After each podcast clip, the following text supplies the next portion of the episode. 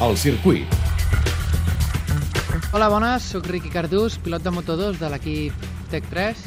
i us comentaré el circuit de Montmeló, Barcelona. És un circuit divertit, amb pujades i baixades, no és un circuit pla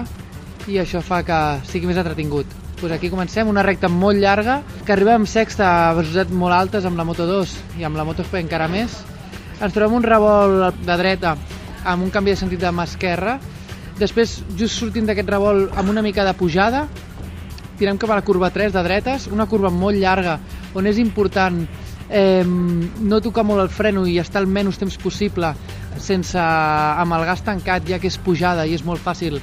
ralentitzar la velocitat. Llavors sortim d'aquest revolt aixecant la moto amb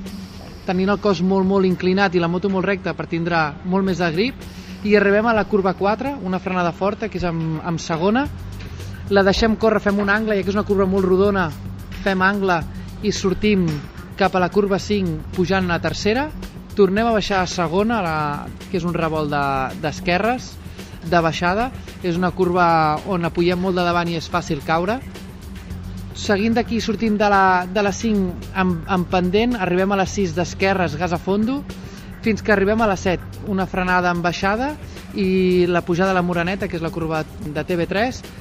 cap amunt. D'aquí és un canvi de direcció molt ràpid amb segona, que pugem la tercera per sobre el piano i anem directe cap a la curva 9, que és una curva de les difícils del circuit.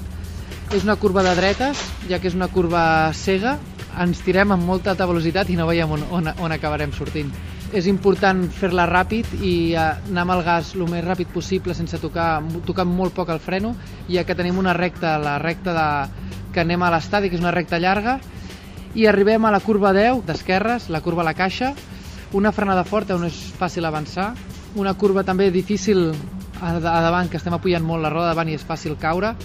Llavors és una curva on hem d'agafar el gas ràpid, que és, és pujada, posar la moto molt recta per no perdre grip. A la curva 11, una curva de dretes, rodona, és una curva que no té molt de secret, però és important sortir bé sense que la moto es mogui molt ni intentar no tenir molt de, de wheelie de davant i comencem cap a les dues curves més importants d'aquest circuit, que és la 12 i la 13 de baixada, l'Europcar i la curva de Catalunya, que són de dretes i molt ràpides, on hi ha molt de temps en joc, ja que després ve la, la recta llarga i aquesta velocitat la restarem fins a final de la recta.